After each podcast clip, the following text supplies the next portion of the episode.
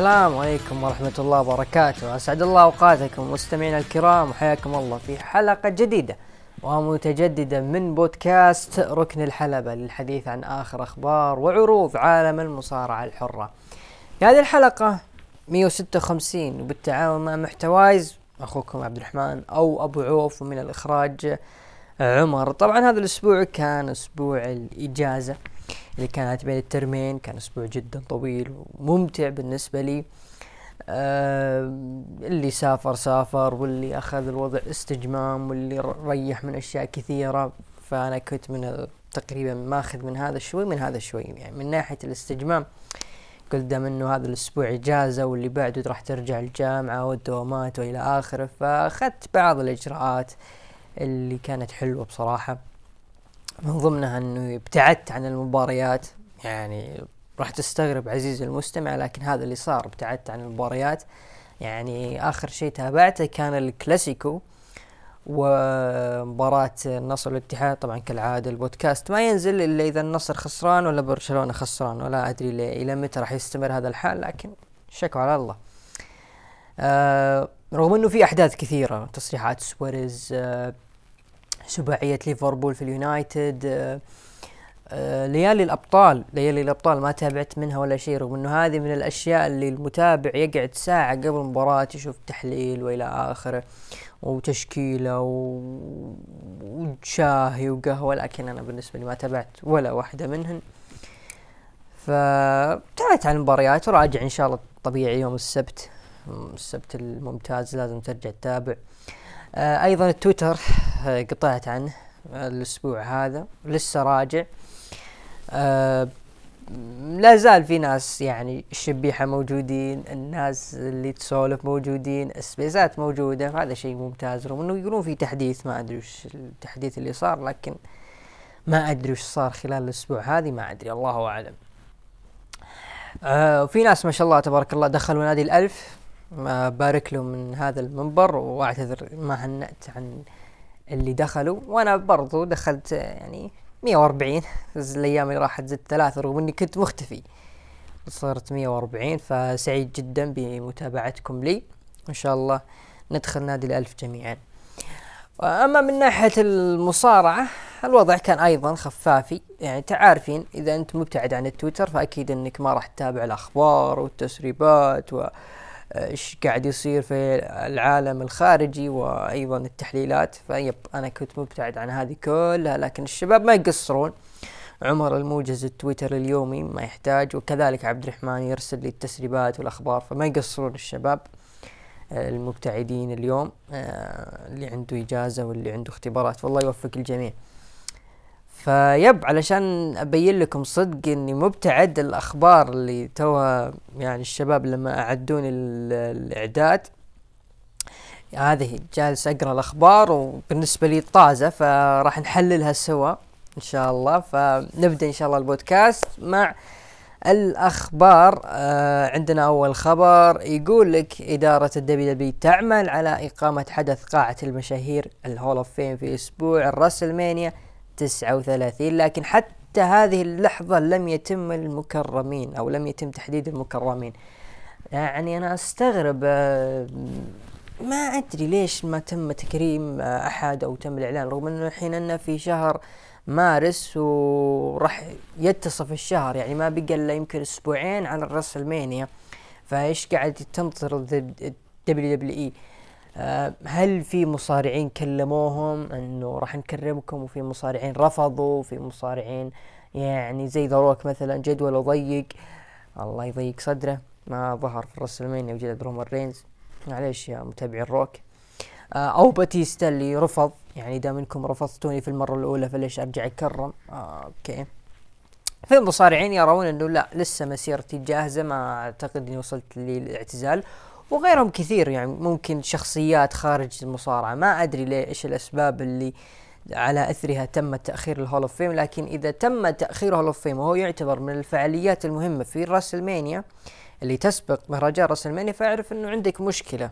عندك مشكلة من ناحية التخطيط ومن ناحية إدارة الأمور الخارجة عن عروض ال WWE للأسف هذه ال WrestleMania يعني مثلها مثل Revolution لما حللناها أنا ويا عبد الرحمن الأسبوع الماضي قلت له إنه الفترة هذه اللي تسبق المهرجان ما أحس إني في موسم أو باقي كم أسبوع على مهرجان عرض شهري.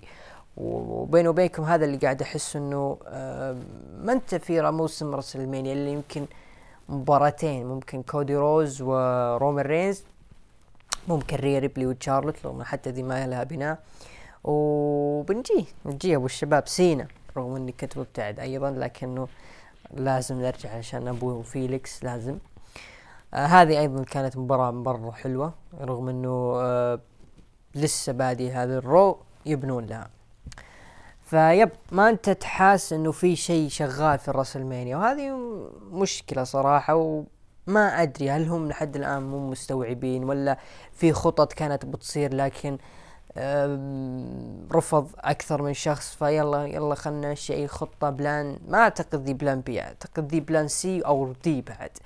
فهذه اللخبطة هي اللي تجي من هذه الأشياء. فإذا كان عرض المشاهير زي ما قلنا مالك أي شيء فيه أو ما أنت مخطط له فأعرف إنه عندك مشكلة في ال WrestleMania وممكن ما أنت قادر تروج لها صح فهذه مشكلة رغم إنها في هوليوود. فالله يعين كان الله في عون Triple H الخبر اللي بعده يقول لك إدارة AEW تريد تمديد عقد Brian Cage لتعويض مدة غيابه بداعي الإصابة. النجم يريد المغادرة وإدارة ال WWE مهتمة بالتوقيع معه. آه Brian Cage اللي هو النجم المعضل أنتم خابرينه آه آخر فترة في AEW طالع بشكل مرة تعبان وتعيس. ما أخرتها ال battle royal اللي صارت أعتقد في بداية مارس. هي في بداية مارس لا أو منتصف فبراير آه سوى selling خطأ ومن بعدها النجم ما عاد ظهر. كان له أيضا آه بناء لعصابة له لكن ما استمرت طويلا. واضح إنه النجم أيضا راح يتم خروجه من الاتحاد. واضح جدا إنه النجم ما راح يكمل. لكن هل ال WWE مهتمة؟ ال WWE قادرة تتعامل مع النجوم المعضلين وتطلعهم over ات؟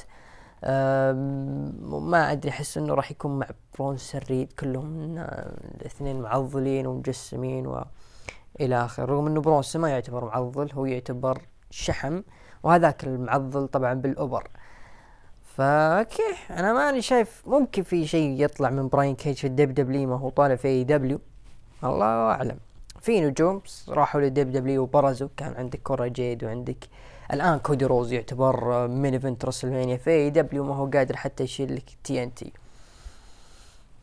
championship وبنجي ذا اللقب هذا اللي سرق هذا الأسبوع. الخبر اللي بعده إدارة WWE متفائلة جدا ب Solo Sikoa وتخطط لدفعة ضخمة له بعد مهرجان WrestleMania 39 كمصارع صف أول. الآن Solo Sikoa ال WWE تراه مصارع أو تخطط أنه تخليه مصارع صف أول وال booking الحالي هذا وش يبين لك حقيقة. لكن Solo Sikoa بيني وبينكم النجم آه، فيه تطور فيه آه، من ناحية المايك. أيضا ثبت نفسه كشخص مهم في ال Bloodline يستندون عليه كثير سواء Roman أو Jimmy. فبس أنا اللي خوفي إنه هو سمون وقريب من Roman وعبد الرحمن لما قريت أنا وياه الخبر قال إنه أنا خوفي إنه Roman يستمر بالألقاب في ال WrestleMania 39 وسولس يكون هو اللي ينتزع من الألقاب. ما أتوقع صراحة هذا السيناريو يصير. آه يعني WWE ضخم Roman والضخمة والضخمة والضخمة بالنهاية ينتهي على واحد Solo Sikoa ما رجع إلا ممكن في سبتمبر. ما أعتقد صراحة ما أعتقد لأنه سولو ما عنده ذيك الشعبية في ال WWE كجماهير. لكن واضح إنه فيه اهتمام. فيه اهتمام من ال WWE للنجم هذا وأتمنى إنه ما يضخم ما يكون مصارع منفوخ رغم إنه واضح إنه النجم عنده إمكانيات آه، على أقلها على الحلبة فقط ونظرات. مايك ممكن ما عنده. ممكن. فممكن يستعين بال Usos يستعين بأي نجم آخر. هو ترى لو ترجعوا للتحليل الأسبوع الماضي قلنا إنه ينفع ك tag team. إذا كان مع مباراة فرق النجم راح يضربك بالأداء ويقدم لك شغل ممتاز. فأتمنى إنه يكون في فئة الفرق. يشوف له أي مصارع يشوف له أي أحد يكون مع tag ويضبط الولد. بعدين دخلوا على ال mid card وعلى الألقاب هذه. لأنه بصراحة في نجوم واضح إنه راح يكون لهم شغل كويس في فئة ال mid card مثل Gargano وغيره لكن يجي أبو الشباب هذا بس يخلص ال Bloodline ياخذ فرصة على طول يفوز على Theory ولا على أي أحد. فهذا عرف إنه Roman Reigns جديد قادم على الساحة على قولة أخونا The Viper الرق الصغير. الله يستر منه والله. الخبر الأخير معنا وهو خبر آه، مفاجئ بالنسبة لي وممكن بالنسبة للكثيرين. ثلاث مهرجانات شهرية لل WWE قادمة وكلها دولية. الأول عندك Backlash راح يكون في سبعة May أو مايو أو May مو بماي ماي هذه موية في الخليج. May سبعة May في بورتوريكو راح يكون ال host Bad Bunny. المهرجان اللي بعده King and Queen of the Ring اللي هو ملك الحلبة. شو الاسم الطويل هذا؟ ملك الحلبة راح يكون عندنا في جدة يوم سبعة وعشرين May مايو. يعني نفس تاريخ Backlash والعرض اللي بعده راح يكون Money in the Bank في تاريخ واحد July يعني تقريبا شهر June ما راح يكون فيه عرض اللي هو شهر ستة. راح يكون في لندن آه في قاعة O2 Arena.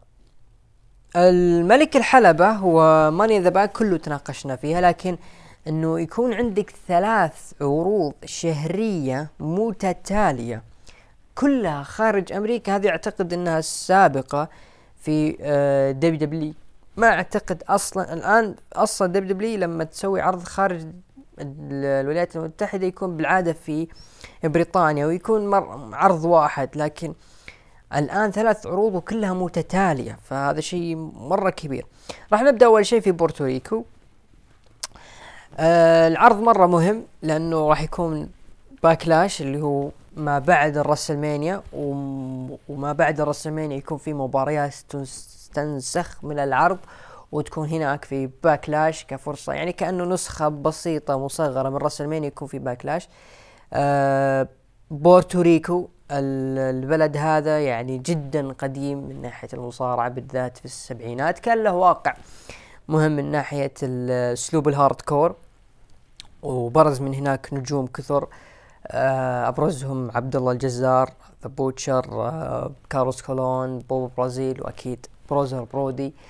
بعد ما اختفى أو توهج هذول النجوم خفت المصارعة في بورتوريكو بشكل كبير وكانت تكون معدومة. تخيل معي يعني بعد خمسين سنة تقريبا خمس عقود رجع التوهج من جديد لبورتوريكو. وعندك مهرجان Backlash زي ما قلنا ال host راح يكون باد باني آه باد باني كلنا عارفين إنه هو بطل الطلب المسبق في عروض أو آه بطل الطلب المسبق في لعبة دبليو دبليو 2 كي 23 فواضح إنه فوق ما إنهم راح يحاولون يجذبون متابعين وجماهير من باد باني للعرض أكيد راح يكسبون من هذول المتابعين. آه خلينا نقول الزبائن أو ناس تشتري لعبة 2K فضمنوا لهم على الأقل يعني شعبية حلوة للنجم يعني إنه يشترون لعبة 2K بجانب إنه جون سينا هو بطل الغلاف وبطل اللعبة ف واضح جدا إنه الدب أو 2K ناويين إنهم يعوضون خلينا نقول الإخفاقات السابقة أو الخسائر اللي طالت اللعبة هذه نسخة جدا ممتازة وقوية جون سينا وباد باني وبعد ال WrestleMania راح يكون اللعبة نازلة وباد باني فوق ما انه بطل مسبق راح يكون بطل آه أو host لعرض في بورتوريكو فهذا شيء مرة كبير واضح هذه الخطوة حسبوا لها ال WWE بحسبة دقيقة. يعني تخيل مو في المكسيك في بورتوريكو الشيء الثاني العرض واضح راح يكون موجه للنجوم اللاتينيين. عندك ديميان بريست عندك دومينيك عندك سانتوس إسكوبار آه وغيرهم راح يكون لهم آه شيء مرة. ال Fantasma كلهم راح يكون لهم دور في العرض. فللأمانة ما في شيء واضح لبورتوريكو الخبر جدا مفاجئ بالنسبة لي فهذا شيء إن شاء الله أنهم يوفقون فيه. ترى في أخبار آه، إنه ممكن دبليو تخطط تقيم أيضا عرض كبير في أستراليا آه لكن غالبا راح يكون نهاية السنة أو بداية السنة القادمة. فمرة أخبار متضاربة وكلها أخبار لعروض دولية خارج أمريكا وكلها دبيبي تحاول تكون عروض كبيرة وقوية. أه السبب من وجهة نظري إنه Triple H ناوي يتوسع أكثر أه ناوي أيضا يكون يعني زي ما هو أنتم عارفين هو ماسك WWE شبه ما في يده من ناحية الإبداع من ناحية المهرجانات والعروض وكتابة القصص وإلى آخره. فهو يحاول أنه يكسب ثقة المنتجين والرعاة في مثل هذه الدول آه، السعودية بريطانيا في آه، بورتوريكو في أي مكان آخر ممكن في الهند. لا تستغرب. فهو يكسب ثقة هذول الرعاة ويقدم لهم عرض كبير عندهم هناك. مثل ما سوى في كاردف قدم لهم عرض كبير ونجح. فهو راح يسوي مثل هذه الخطوة في عدة دول. آه أيضا تعرفون Triple H عنده؟ NXT International أو Global عندك آه مثل ما قال في اليابان وفي جنوب أفريقيا وفي الهند وفي غيره من الدول. وعندهم أيضا استقطبوا الآن دراجون لي. فهذه خطة توسع يعني إنه نقيم عروض شهرية كبيرة في مختلف دول العالم ونأخذ منهم مواهب نشغلهم عندنا في المركز التدريبي نستفيد منهم آه يكونون ك roster أو يستفاد منهم البلد اللي هم اللي منشأ منهم. يعني مثلا آه مثلا عندنا في السعودية زي ما أنتم عارفين عندنا SPW مثلا يأخذون من عندنا مواهب يشغلونهم في المركز التدريبي ينجحون ما ينجحون آه إذا نجحوا وقعوا معهم ما نجحوا آه، يخرجون لكن ما يخرجون محطمين أكيد SPW جاهز معاهم عقد يعطيهم وتكون بداية مسيرتهم من هنا وممكن يعودوا لل WWE من باب الكبير. فهذه خطوة جدا ممتازة تنويع المواهب تنويع آه، الاتحادات في مختلف دول العالم ممكن ممكن ليش لا؟ يكون ل SPW أو لاي اتحاد من هذول يكون له دور في عروض WWE كل شيء وارد مع game Triple H رغم انه مزعلنا من ناحية العروض يعني. في في up وفي down و down down بعد قوي مو هو down بسيط لكن راح نطبل له إن شاء الله. هذه من ناحية الأخبار كل شيء عندي. آه نبدأ الآن في العروض الأسبوعية. عرض شهري بس علشان لا حد يزعل. آه العرض الأول عرض SmackDown أقيم في واشنطن دي سي أو واشنطن العاصمة. افتتح العرض بدخول ال Bloodline باستثناء جي اوسو بقيادة زعيمهم بطل ال WWE Universal. رومان رينز آه وقال واشنطن اعترفوا فيني. فجأة دقت موسيقى بطل ال Royal Rumble كودي رودز ودخل إلى الحلبة وقال على عكس ما قال بول هيمن أنا هنا مو للواجهة أو للدخول في مشاكل أنا هنا للمحادثة مع خصمي في ال WrestleMania وخصوصا وجود اللي حولك إلا إذا أنت بمساعدتهم. وضحك رومان وقال Wise Man بول هيمن اطلع. وكذلك سولو وجيمي وقال رومان مرتاح أنت الآن أجل خلينا ناخذ راحتنا أنا بسوي شيء. ورمى الألقاب على الأرض وقال على إيش تبغى نتكلم؟ قال كودي بنتكلم عنك 915 يوم يوم كنت بطل لألقاب العالم وبدأ يمدح في رومان بفترته وقال مبروك لك وبقول لك شيء عني. وعن خصمك بال WrestleMania قال ما بكون إلا بديل راندي أورتون. ومستحيل إني أنجو من شخصية Stardust ومستحيل إني أدفع عشرة آلاف شخص أو عشرة آلاف شخص يدفعون لي مبلغ لمشاهدتي أنا ورفاقي في عرضنا ال indie يقصد AEW واعتقد يقصد عشرة آلاف اللي هو تحدي آه ديف ملتزر لما سووا عرض All In وقال منذ ذلك الحين استمر الهدف في تغيير ووصلت تحقيقه ولذا بالنسبة لي وللآخرين رومان رينز قد يكون مستحيلا لكن ليس بالنسبة له. الجمهور بدأ يردد كودي كودي. وضحك رومان قال هذا جيد شكلك تتدرب طوال الأسبوع على اللي تقوله ولين تتبادل الأدوار. وبسألك قد فزت بلقب زي كذا. نعرف هذا الشيء. أو سؤال ثاني قد نافست عليهم أو في main event WrestleMania؟ أنا سويت كل هالأشياء. وأنا كنت أتدرب من يوم اني طفل مو بس من أبوي لكن من قبل والدك. وخلينا نتكلم عن والدك وأنا أحترمه وأحبه وسوى كل شيء. وقضينا وقت مع بعض وبدأ يقلد داستي بمدح لرومان وتكلمنا عن كل شيء وعن حياتي وعن رأس المانيا وعن تصدري للواجهة. وتدري قال شيء عنك. ما قال شيء. ولا قال عنك. ولا كأنك موجود أصلا. وقال تمنيت يكون الآن متواجد وأدري أنك مشتاق له وأنا أشتاق له أيضا. وآخذ ألقابه وقال لعلمك إذا في شيء ما علمك أنا بعلمك ومد يد الكودي وقال كودي أنت أرسلت هيمن علشان تقول لي الحقيقة. لو كانت هذه الحقيقة أنه أحد عيال دستي الخرافيين أفضل من الحقيقي وأنت ابن دست اللي يتمناه وأنا بقول لك شيء أنت تقول إني مو موجود أنا بثبت لك إني موجود. راح أهزمك في راس المانيا وعسى أن يفوز الرجل الأفضل. وصافح رومان ريز وخرج. طبعا آه في جدية في البرومو في جدية من ناحية كودي رودز اللي هو بدأ آه يستعمل يعني بدل ما أنا استغربت في بداية البرومو لما قال سالفته لما طلع من برا ال WWE وسوى العروض و AEW إلى آخره كنت متوقع إنه رومان هو اللي يجيب هذه الطاري مثل ما سوى سيث رولنز لكن انقلبت الطاولة خلى كودي هو اللي يتكلم ثم تكلموا في موضوع داستي. فتحس إنه فوز كودي رودز بال Rumble وتصدر ال WrestleMania وفي احتمالية إنه يفوز بجانب إنه آه، آه، إزعاج لل Elite ونجومهم ولاتحادهم أيضا هو تكريم لداستي. هذه ثاني مرة أو ثالث مرة يجيبون طاري داستي آه، من ناحية بول هيمن ومن ناحية رومان رينز يتكلمون عن هذا الرجل وكذلك كودي رودز فتحس إنه تكريم إضافي للنجم. أنا ما أدري من ذا اللي جالس يبني الآن لكن أوكي. ففي بداية البرومو كان جدية وكان طقطقة بعدين تحول موضوع تكريمي وأيضا رجعت الجدية. فهذا بيكون واضح جدا أسلوب العداء بين كودي ورومان رينز. آه، أتمنى يكون في جدية أيضا زيادة وأتمنى يكون في أيضا face to face بين الاثنين. المشكلة ما تبقى على العرض أو المهرجان إلا أسبوعين وهذا بالنسبة لي كان خطأ.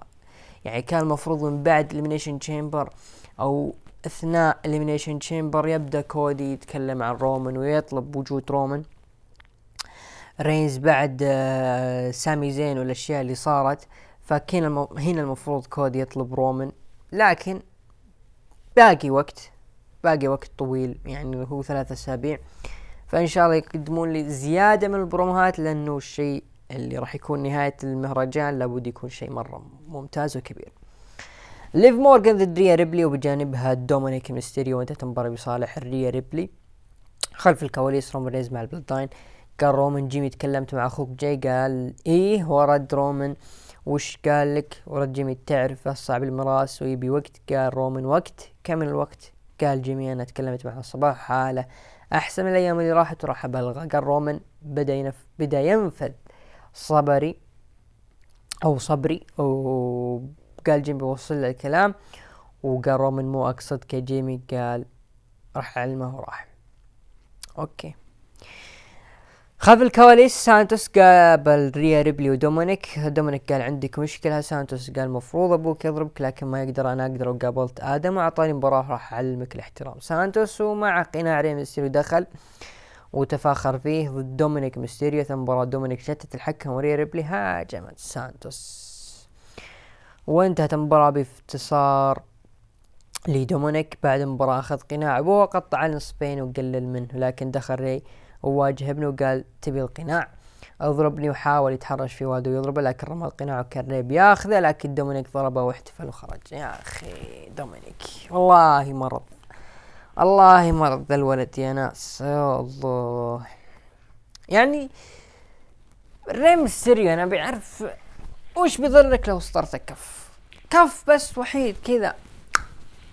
بينتهي الولد. لكن الولد الرجل يبغى يعطي الولد over ويبغى يكبره ويضخمه بس مو على حساب سانتوس يا ناس. والله مو على حسابه. يعني توني أقول العرض اللي بيكون في بورتوريكو قد يكون من أحد النجوم سانتوس وليقادو وقلت دومينيك قبلهم للأسف في البداية. علشان هذه السيناريوهات اللي تصير. مثل هذه اللحظات دومينيك يجي يخربها. واحس إنه بيخسر في ال Mania يعني. فوق ما الهياط ودري زعلان والى اخره بالنهاية ري ميستيريو بيفوز. ما أدري هذا إحساسي. درو ماكنتاير دخل إلى الحلبة وقال درو أربع أسابيع ولا في مباراة لي في الراسلمانيا وفي شخص أبيه وبجلده يا قنثر. أنا جاي لك لكن دقت موسيقى شيمس. وقال وش تسوي من وراي؟ أنت تدري ان كنثر لقب القارات أبي من 15 سنة. لا إله إلا الله. وقال درو هدي يا شيمس وعصب شيمس قال لا تعلمني متى أهدى وتدري إني أبي أواجه كنثر في الرسلمانيا. وقال درو أنت مو أبوي علشان أستأذن منك. وقال شيمس صح أنا مو أبوك وأنا أخوك وأنت وغد وخاين. وتبي الحقيقة؟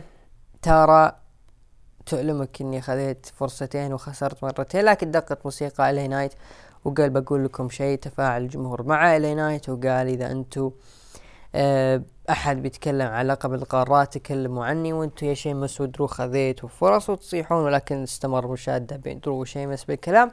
دقت موسيقى نيو داي ودخلوا وقال, وقال كوفي أنت يا نايت تجي وتصيح وتقول ما يمدي تكون بالمين إلا بتواجد ال اي نايت قال كوفي ال اي نايت يبي مباراة بال Mania ولكن مو قادر يفوز في سماك داون ودقت كاريون كروس دخل بجانب الحلبة لكن هجوم من ال اي نايت على كوفي.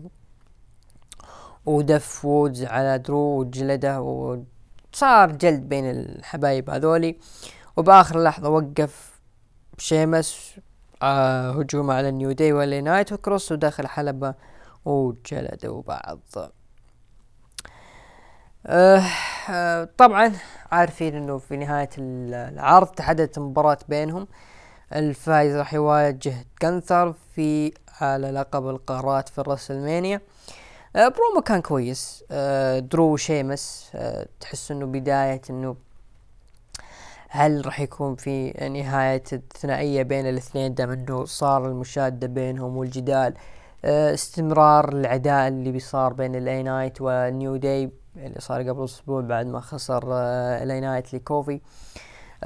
يا أخي ملاحظين إنه تفاعل الجمهور صار بدأ يتفاعل مع الاي نايت وهذا شيء مرة مس أسعدني إنه الجماهير بدأت تتفاعل مع الاي نايت وبال yeah وإلى آخره.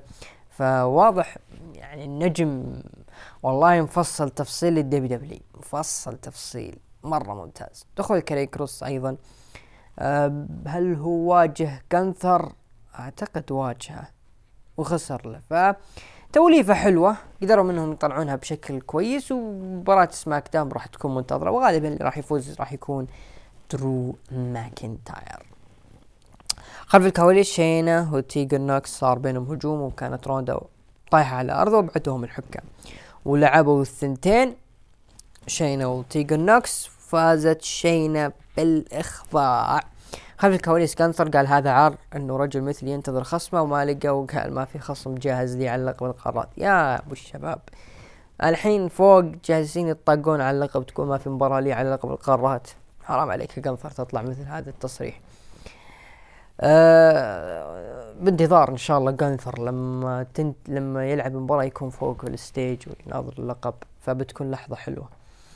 بوبي لاشلي ظهر الحلبة وقال بري وايت إن إنه يقول إني أهرب وأنا ما أهرب من أحد ولا زال يحاول يلعب وكانه طفل وهالشيء أشوفه ضعيف. وأنا يوم شفت بري ما راح يقابلني وجه لوجه قلت بجي سماك داون بقابله وبما أنك رجل اظهر لي. الآن يا بري وايت. ودقت موسيقى الأنكل هاودي. ومن الخلف هاجمه على بوبي لاشلي وجلده لكن بوبي قلب الطاولة عليه وجلده وكان بينفذ السفير لكن انطفأت الأنوار. واختفى أبو هاودي. يا أخي ظهور أو استمرار أنكل هاودي بمثل هذا الهجوم وإنه يدخل كشخص عادي بالنسبة لي حرق وكرته.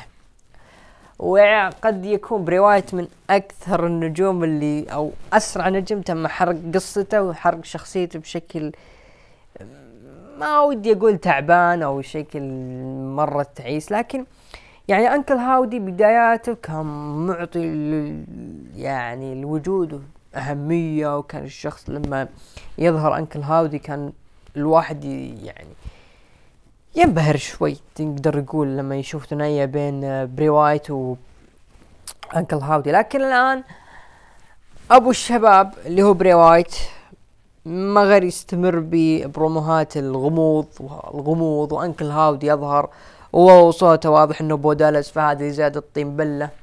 ف والآن الكسا بليس قرأت آه، أول ما فتحت التويتر لقيت إن لها خبر إنها غايبة الفترة الجاية. فانحرق كرت بري وايت بكل سهولة. يعني بعد الرامبل اختفى بري وايت. خلاص. ما ودي أقول انتهى النجم لكن ما أدري وش ال next له. يعني عندكم next أعطوني next ونشوف. رومان مع جيمي وقال وش صار؟ قال جيمي يبي وقت وقال رومان يبي وقت. صراحة قال خلوني لحالي وقال رومان كل شيء سويناه له وسندناه وصار أناني بسبب سامي وبنحل مشكلة سامي زين للأبد. وبيك الليلة مع السولو تتخلصوا منه لو تخلصت من سامي زين جاء جاي بيرجع لنا وقال رومان بتسوينا. آه قال جيمي بسويها رومان قال أجل عائلتنا وبول هيمن آه رائع اللي سويتوه الأسبوع القادم آه راح تكون عندنا مباراة خماسية. الفائز راح ياخذ على لقب القارات زي ما قلنا ضد جانثر كاري كروس إل اي نايت درو ماكنتاير شيمس كوفي كينغستون آه توليفة جدا حلوة راح يكون شيء مرة ممتاز. وكذلك الأسبوع القادم عندنا مباراة فرق الفايكنج رايدرز ضد ريكوشي وسولو وبرون سترومان طبعا هذه كانت نهاية عرض سماك داون. نروح لتقييم المستمعين. طبعا أعطوا آه من تسعة لعشرة ثلاثين في المية ومن خمسة إلى ثمانية خمسين في المية وأقل من خمسة عشرين في المية. نرى آه ستة ونص إلى ستة من عشرة. كان أهم ما فيه كان برومو كودي رودز ورومان رينز وكذلك آه، برومو اللي صار بين آه، درو ماكنتاير وشيمس وتحديد لقب القارات. وما بعدها العرض اختفى. هذا كان سماك داون هذا الأسبوع. نروح للعرض أو المهرجان المنتظر AEW ريفولوشن العرض اللي يقيم في سان فرانسيسكو كاليفورنيا بقاعة تشيس سنتر. معقل نادي جولدن ستيت ووريرز أبطال ال NBA العام الماضي. آه بدأ العرض آه بمباراة ريكي ستارك أو ريكي ستاركس ضد كريس جيريكو. انتهت المباراة بفوز ريكي ستارك على كريس جيريكو. مباراة حلوة كبداية. آه أهم شيء لفت نظري فيه وأعجبت فيه اللي هو ريكي ستارك. قدر يطلع كريس جيريكو بشكل مرة كويس. بالرغم انه كريس جيريكو كان آه بطيء جدا في المباراة هذه لكن قدر آه ريكي ستارك إنه يجاريه وطلع طلع طلع نفسه وطلع كريس جيريكو بشكل مرة ممتاز. فهذه نقطة حلوة تحسب لريكي ستارك. أعتقد إنه العداوة انتهت لصالح ريكي ستارك وهذا هو المطلوب وانتهت بشكل مرة كويس بعيدا عن انه جيريكو مثلا يفوز ويرجع يخسر له في داينامايت فهذا الشيء كان كويس. قفل العداوة اعطيت ريكي ستارك مجال إنه يبدع. فبداية كانت جدا حلوة في العرض. بعدها المباراة كريستيان كيج ضد جاك بيري. مباراة تابوت ودفن حي مرة واحدة. آه انتهت المباراة لصالح جنجل بوي جاك بيري بعد ما دفن كريستيان كيج. آه في التابوت لبداية المباراة. طبعا للأمانة المباراة ما كان فيها أي شيء مهم ما كان فيها أي شيء لافت ما عجبتني مرة. آه مرة ما كان فيها شيء لافت. وأكثر شيء استغربته من المباراة هذه ليش ما لها برومو؟ أنت قايل إنه هذه final burial match يعني آه راح تكون المباراة هي ختام للاثنين ختام للقصة الطويلة. يعني لو كملت شوي راح تكمل سنة العداوة هذه. فأكيد كان في لحظات كان في أشياء هي اللي دفعت آه الاثنين إنهم يقدمون مباراة دفن. بعدين مباراة دفن وما تعلن عنها بشكل ممتاز شوي لو لما خلص كريس جيريكو المباراة هذه شوي لنا نتفاجئ إنه يا شباب ترى عندنا مباراة دفن. طيب روج لها. سووا برومو آه بين لنا. تدرون إنه ما أحد كان يع... أنا بالنسبة لي لما قبل لا أتابع المباراة هذه ما كنت عارف إيش راح يكون قانون المباراة. دفن حي ما في تربان آه في شخصية راح يتم نهايتها أو شيء أو إنه عنوان المباراة هذه إنه دفن. ما أدري لين ما جاك جنجل بوي وراح لما بعيد عن ال stage كذا وصار في تراب وصار في تابوت. يعني جمعوا مباراة التابوت ودفن الحي في مباراة واحدة سموها final burial match سبحان الله. فما ابدعوا الصراحة في هذه المباراة. مباراة جدا يعني أشوف أنها عادية وأقل من عادية لكن لما تجي عند ديف ملتزر وتشوفه معطي أربع مباريات فأعتقد إنه ديف ملتزر ما تأخذ منه حق. من الآن. الشيء الوحيد بس عشان ما نظلمهم كان آه، ردة فعل عائلة جنجل بوي. أنا بالنسبة لي كان هذا الشيء اللي ينقص آه، مباراة سامي زين ضد رومان رينز في ال Elimination Chamber كان هذا اللي ينقصها ردة فعل عائلة سامي زين. ما كان لهم أي ردة فعل لما رومان جاء عند سامي. أو جاب سامي عند العائلة. ما كان في أي ردة فعل. لا من زوجته ولا من أخوها أو أخوها أو صديقه وإلى آخره. وطبعا كريس أو كيفن اونز ما كان له داعي أصلا إنه يظهر. بخلاف طبعا السلبية اللي قلتها في المباراة إنه ليش ما كان لها برومو؟ المباراة اللي بعدها حطوا لها برومو. قلت okay يعني مباراة لقب آه، الثلاثية ال House of Black وال Elite أوه في برومو يعني في شيء آه، تم التخطيط له. لكن ما شفت شيء يعني كل اللي صار اللحظة اللي صارت في داينامايت الماضي هم اللي حطوها. وجايبين لك ريني باكيت وجيم روس جالسين يتكلمون عن هذه المباراة طول البرومو. طيب مو المفروض جنجل بوي وكريستيان كلهم برومو؟ والله ما أدري لكن على كل آه اللي يدافع ألقابهم ضد ال House of Black. انتهت المباراة بفوز ال House of Black وانتزاعهم للقب في لحظة كانت جدا حلوة. آه فوز آه مالاكاي بلاك أخيرا بلقب في AEW. كانت مباراة جدا آه كويسة مرة مرة كويسة عجبت فيها. لكن زي ما قلت بعض الإضافات اللي كانت راح تكون حلوة لأنه المباراة ما تم الترويج لها ما تم بنائها بشكل كويس. غير كذا لما مالاكاي بلاك وكيني اوميجا تقابلوا face to face في الحلبة الجمهور جالس يصفق واكسكالبر قال this is dream match طيب ليش ما روجتها؟ طيب ليش ما ضخمت المباراة هذه بجانب تضخيمك لل main event أو بجانب تضخيمك للقب TNT يا أخي؟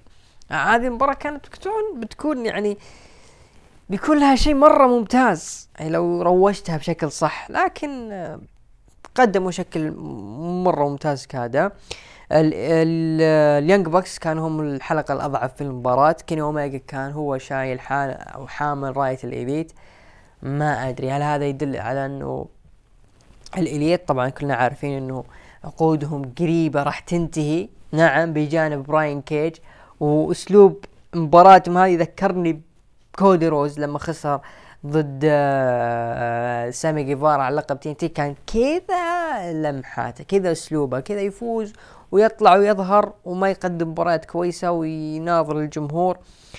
فكان هذا أسلوب كودي رودز لعل وعسى يتكرر هذا الوضع مع ال Young Bucks أو ال Elite بشكل عام بالذات كيني أنا كيني أتمنى يكون في ال WWE أما ال House of Black فكان جد سعيد آه، بفوزهم باللقب رغم أنه أتمنى أنه دخلتهم تتغير بصراحة.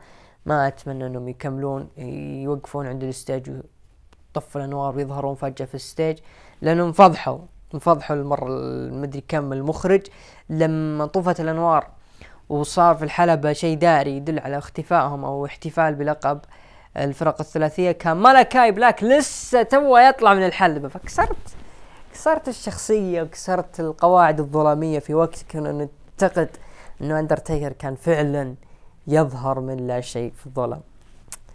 لكن فوز مرة ممتاز ل House of Black ومباراة حلوة. المباراة اللي بعدها مباراة على لقب نساء AEW جيمي هيتر دافعت اللقب ضد سرايا وروبي سوهو. آه انتهت المباراة بحفاظ. جيمي هيتر على اللقب وأنا جدا سعيد. جيمي هيتر تستاهل فترة زيادة وهي معها باللقب. آه لأنه هي آه يعني كيف أقول؟ ساعدت في إعادة توهج اللقب بعد بريت بيكر وممكن تتفوق على النجمة لأنه مرة ممتازة البنت في البرومو أدائها مرة كويس. فجيمي هيتر أتمنى AEW يستغلونها استغلال طيب ويعتنون فيها لأنه البنت واضح أنها عندها potential مرة كبير مرة مرة كبير.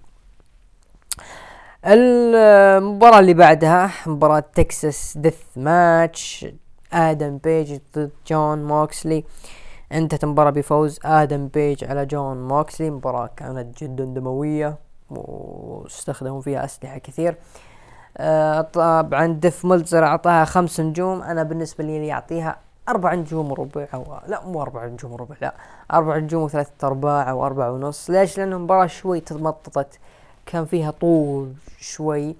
يعني كان لما جون موكسلي وهاجمان لما يستخدمون اللي هو البلكة هذه أو الطوب آه الحجري هذا كان المفروض يكون هو عليه القصة. لأنه السلاسل سبق استخدموها الكراسي استخدموها الطاولات. فكان يعني لأنه جون موكس استخدم stomp على هانجمان وضرب رأسه ومع ذلك هانجمان كان يقوم بشكل آه، طبيعي رغم إنه كان يتألم. بس ما هي حلوة يعني إذا كان هذا الطوب هو اللي دمر موكسلي لما ضرب فيه هاجمان بعدين سوى عليه الفينش. و... وخنقة بالسلسلة. كان المفروض النهاية تكون قريبة شوي لما يستخدم موكسلي هذا الستمب فهي تمططت المباراة. غير كذا selling هاجمان كان جدا. ما بقول ضعيف لكن كان يستعجل في الحركات اللي تعرض لها من موكسلي لو ترجع للمباراة. لما يذب نفسه على الطاولة لما كان أيضا موكسلي لسه جالس بيضرب. فكان هجمة مستعجل شوي. ما أدري هل هو خوف أو حماس لكن ترى المباراة كانت حلوة الصراحة. رغم إنه لازلت يعني معقب إنه آه طولها كان شوي هي السلبية والنهاية كان المفروض تكون أبكر شوي. لكن المباراة كانت كويسة. المباراة اللي بعدها لها علاقة ب TNT آه سمو جو يدافع اللقب ضد ووردلو. انتهت المباراة بفوز ووردلو وانتزاع اللقب وبالإخضاع أو انه جوم أو سمو جو كان مغمى عليه آه فوز آه صادم صراحة. ما توقعت سمو جو راح يخسر لووردلو لكن هذا اللي صار. مباراة خفيفة بسيطة ما طولت كانت جدا سريعة. ما وعينا لو شوي ووردلو مع اللقب فما في هي ما في أي ملاحظات عليها. المباراة اللي بعدها على لقب الفرق الجنس دافع عن ضد الأكليمد. ضد آه، جي ليثل وجيف جيريت ضد دان هاوسن والبرتقالة. آه انتهت المباراة بحفاظ الجنز على ألقابهم. مباراة ما عندي أيضا أي آه ملاحظات عليها. مباراة تقدر تقول كوميدية أكثر من إنها مباراة فرق. لكن المهم اللي صار في نهاية المباراة اللي هو عودة FTR فكلنا سعيدين بعودة الفريق هذا رغم إني كنت شوي حزين لأنه كنت أبغى هذا الفريق يكون في ال WWE بالذات إنه تريبل اتش آه، مسك العروض ف والأوسوس يعني قريبا راح يخسرون ألقابهم وفئة الفرق في ال WWE آه، في انتعاش فيه نعنشة في فرق كثير وفي شخصيات كثير. فكان ال FTR راح يكون إضافة مرة ممتازة لو وقع مع ال WW بخلاف فئه الفرق في AEW أنا أشوف إنها جدا ضعيفة ما تقارن بال WWE لكن الحبايب اختاروا البقاء في AEW هذا يعني من حقهم بالنسبة لي. لكن غالبا راح يستعيدون ألقاب الفرق من الجنس أكيد FTR والجنس ما في أي مقارنة. ف welcome back لل FTR ل AEW الحدث الرئيسي وهو المنتظر. مباراة على لقب AEW آه مباراة ستين دقيقة iron man match انتهت المباراة لصالح MJF وحافظ على اللقب ضد براين دانيلسون. النتيجة كانت أربعة ثلاثة. مباراة كانت جدا جدا جميلة. جدا جدا جدا جميلة. يعني الشيء اللي عجبت فيه في المباراة آه، التطور من ناحية MJF تطوره من الجسم آه، تغير جسمه صار عضل فجأة. تطور في الأداء آه، كان واضح إنه MJF يعني تدرب واشتغل على نفسه من ناحية الأداء على الحلبة الفترات الطويلة هذه. ومن حسن حظه إنه وقع في مباراة هذه مع براين دانيلسون اللي أعطاه ل MJF مباراة مسيرته صراحة في AEW يعني MJF صحيح إنه آه لا زال بطل وعنده مشوار حتى يدافع عن اللقب لكن بالنسبة لي ما أعتقد ان MJF راح يكون قادر على تقديم مباراة مثل مع براين دانيلسون. وأعتقد فعلا هذه مباراة مسيرته في AEW رغم إنه النجم واجه كريس جيريكو وواجه سي إم بانك وواجه جون موكسلي لكن هذه المباراة بالنسبة لي كانت جدا جدا جميلة جدا جميلة. فسعيد جدا للاثنين. MJF شق طريق مرة كبير في آه، حفاظه على اللقب. براين دانيلسون بعد نهاية العرض قال أو نزل فيديو قال I need to go home فواضح إنه براين بدأ خطه ك part timer براين دانيلسون ما قصر في AEW ما قصر فعلا. يعني لما بداية توهجهم في عام 2021 كان جاب الوقت الصح ودخل في المواجهات على الألقاب ومع النجوم المهمين مثل كيني أوميجا وهاجمان بالوقت الصح. ولما AEW وقعوا في المشاكل اللي صارت العام الماضي وخف منتجهم كثير كان اللي شايلين العرض بكل أمانة كان اثنين براين دانيلسون وجون موكسلي كان هذول هم اللي شايلين عروض AEW أيضا براين دانيلسون قدر يطلع نجوم قدر يطلع ولاريوتا قدر يطلع لي مورياتي. له مباراة يعني منسية لكن أنا شفتها وكانت حلوة أعتقد في داينامايت. مع لعب مع تاكيشتا. تاكيشتا كان قريب إنه يكون مصنف أول للقب العالم وكان ضمن بناء لهذه المباراة. فبراين ما قصر يعني قدم لك هذول الثلاث نجوم والآن أعطى MJF مباراة مسيرته في AEW فشكر شكر جزيل لبراين دانيلسون. أنا داري إنه قاعد أشكره إنه راح يكون part timer لكن ال part timer ما بعده إلا الاعتزال فما قصر والله ما قصر براين. هو راح يختفي الفترات الجاية.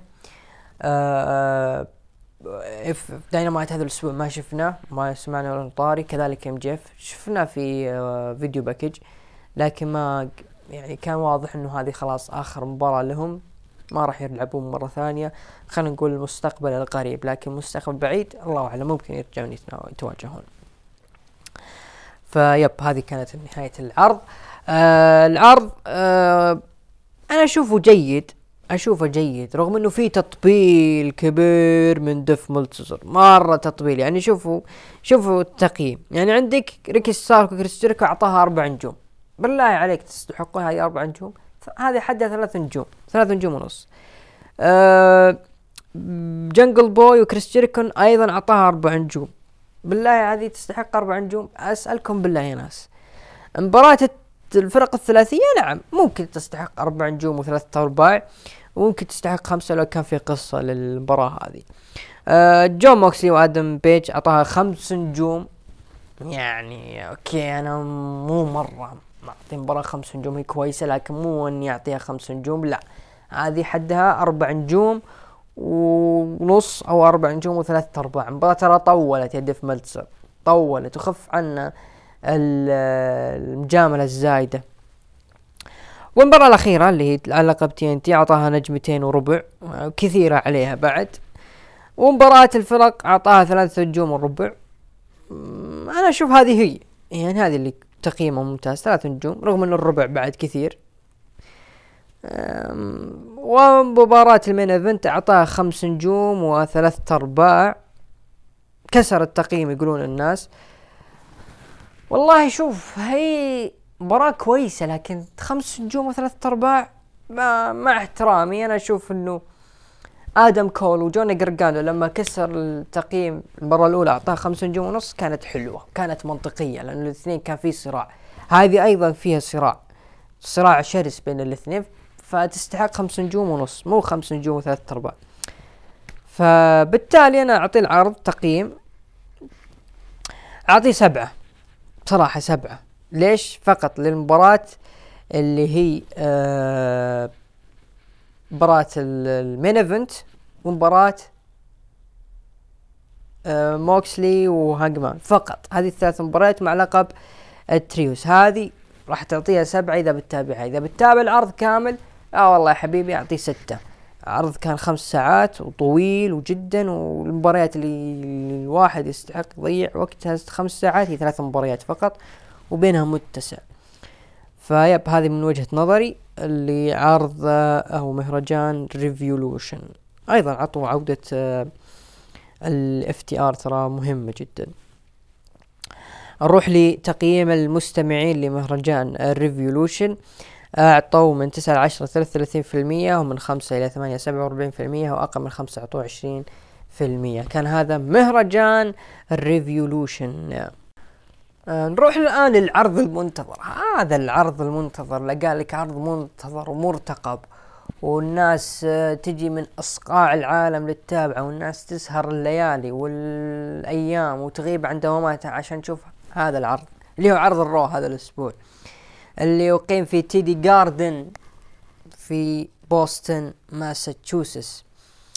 آه بدأ العرض بمباراة سولو سيكوا ضد كيفن اونز انتهت المباراة ب DQ لصالح كيفن اونز بسبب تدخل من جيمي أوسو. طبعا ضرب هو سولو سيكوا كيفن اونز راح جيمي بيجيب كرسي لكن تفاجأ بهجوم من سامي زين وأخذ الكرسي وضرب فيه جيمي وكان راح يضرب فيه سولو سيكوا لكن سولو هرب.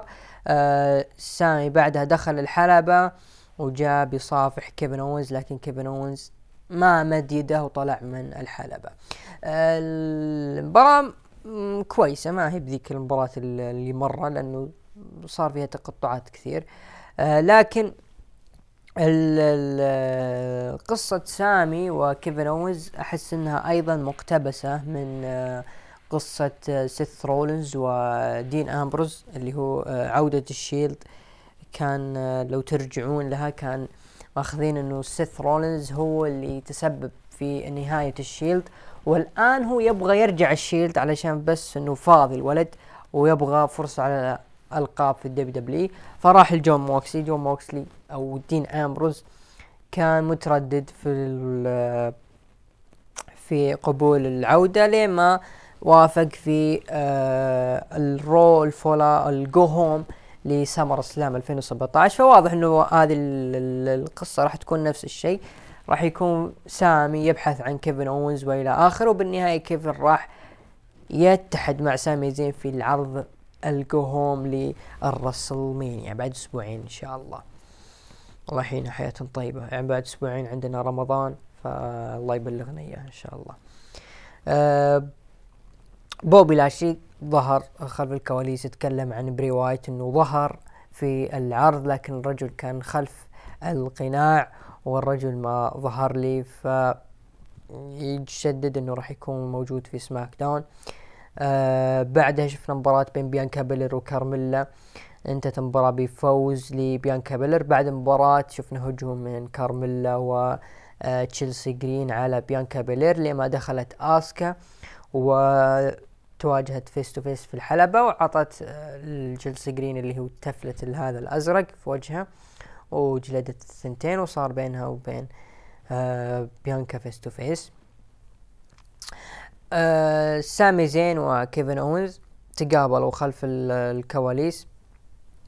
طبعا سامي جالس يتكلم عن آه كيفن اونز إنه جالس يدوره ويطلب إذا هو كان يقدر يعني هل أنت ما تشوفني اني جالس أحاول إنه نرجع وإنه يعني تكفى قل لي شيء. طبعا كيفن اونز ذكر سامي زين إنه في نفس القاعة هذه تي دي جاردن آه، معقل السلتك أه تقابلنا في ال War Games وشفتك منعتني إني أفوز عليكم يا ال Bloodline فكيف تبغاني أثق فيك؟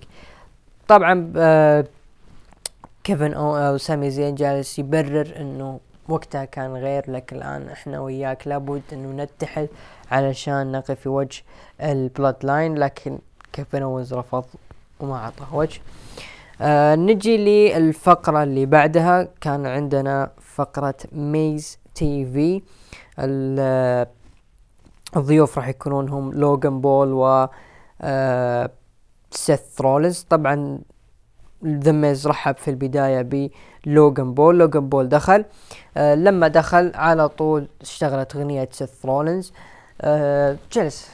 سيث يترقص يترقص يترقص. ولما دخل الحلبة الجمهور غنوا لصالح آه سيث رولينز. آه طلب من الجميع الصمت لكن الجمهور استمر بالغناء لما قال لوغان shut up وللأمانة سكتهم هذا النجم. شكر ذا ميز اللي هو لوغان في آه، على الشيء اللي سواه. آه سيث رولنز قال للوغان آه مبروك إنك أنت موجود موجود علشان الجمهور تستهجنك كما هو العادة. أه وأنت ما قدمتني رسميا أنت تجاوزت ألقاب سيث رولنز قال لوجن أنا طبعا سيث رولنز قال إذا ما تعرفني أنا ال visionary أنا ال revolutionary أنا سيث freaking رولنز قال لوجن أنا أعرف من أنت. أه أنا اللي جلدت أو قصيتك في ال Royal Rumble وضربتك في ال Elimination Chamber. صح أنا اللي جلدتك يعني جلدتك مرتين. قال إنه في عام واحد سويت أكثر من شيء كان يبغى يسويه سيث رولنز في عشرين سنة وهذا الشيء طبيعي. إذا كنت يا سيث رولنز ما تحب لوجن فأنا أيضا ما أحبك. فالجمهور طبعا هتفوا ضد لوجن قالوا F لوجن آه رولز قال ايا كنت موجود الجميع لا يحبك. آه وجالس يضرب ويجلد في لوجن بالكلام. ولوجن صراحة كان يعني تعابير الغضب فيه كانت حلوة. لين ما قال رولنز قال إنه وقت الكلام انتهى الآن حان وقت الجلد. ف ذا ميز قال أنا ال host للرسلمانيا ومثل هذه المباراة بالنسبة لي مهمة فأنا اللي أحدد هذه المباراة متى تقام. ف سيث ولوجن تكلم قال إنه أنا ما راح ألعب المباراة وهي مجانا أنا يدفع لي مبالغ كبيرة. لين ما صار حرش بين سيث وذا ميز وطلع ذا ميز من الحلبة وضرب لوجن بعدين لوجن جلد سيث رولنز وسوى له stomp بعدها مسك لوجن المايك وقال راح نشوفك في الرسلمانيا ودعه وضرب المايك على ظهره. كان ال segment حلو بصراحة segment جميل. آه لوجن يعني بصراحة النجم هذا يحرجنا بصراحة. يعني هو خلفيته YouTuber هذه مشكلته. لكن لو كان جاي من perform من المركز التدريبي ال WWE أو على الأقل جاي بخلفية إنه هو ملاكم. كان ممكن ما نستهجن هذا النجم لكن إنه قدر يقدم برومو مع سيث رولينز وسيث رولينز قدر يعني جاري لوجن ويستفزه. النجم أبدع صراحة أبهرني أبهرني بتعابير وجهه الغاضبة. وكذلك وجود ذا ميز كطرف في هذه العداوة وإنه host للمباراة. فأتمنى من ذا ميز إذا كان ماشي بهذا الخط إنه دام إني أنا ال host للرسلمانيا فأنا أروج لأهم المباريات في الرسلمانيا. الأسبوع كان هذا سيث رولنز ولوجن بول ليش الأسبوع الجاي ما يكون مثلا آه مثلا مثلا رومان رينز وكودي رودز مثلا ريا ريبلي و ريا ريبلي وتشارلوت جون سينا واوستن ثيري فبيكون دور ذا ميز جدا ممتاز. مع استخدام المهارات المايك وترويج ال WrestleMania بيكون دور ميز مرة ممتاز ك host ال WrestleMania. ف promo كان كويس مرة ممتاز وأعيد وأجدد إنه لوجن كان بطل هذا البرومو. آه أوماس دخل لعب مع دولف زيجلر مباراة سكواش انتهت لصالح اوماس ودولف زيجلر في وضع جدا سيء. جدا جدا سيء. آه بعدها صارت مباراة بين جوني قرقانو ضد فين بالر فاز فيها جوني قرقانو آه بعد تدخل من آه ايج دقت موسيقى ايج أثناء المباراة. آه ريا ريبلي وديمين بريست راح يستقبلونه في الحلبة لكن أبو الشباب طلع من آه الجمهور وأعطى spear لفين بالر. وجوني قرقانو سوى حركته على آه فن وثبت جوني قرقانو فين بالر. يعني المباراة كانت حلوة كانت جيدة.